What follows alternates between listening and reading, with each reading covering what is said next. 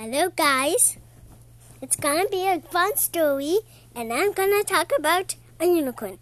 A unicorn who was beautiful and he was rainbow, and he loved to dance and eat flowers, but it's kind of weird. And even he liked to eat poop. Bye bye. Start the story. Start the story. Bye bye. Say, start. Say what you're going to story. Don't stop. stop. Hello.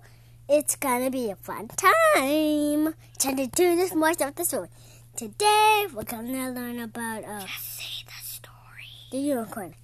The unicorn who is so helpful. Just start the story. Just tell the story you're gonna make. You're not gonna make it awful. Uh, hello. Don't say hello. Just tell the story now. Okay. So it has a unicorn who's beautiful and rainbow. Have a lot of fun.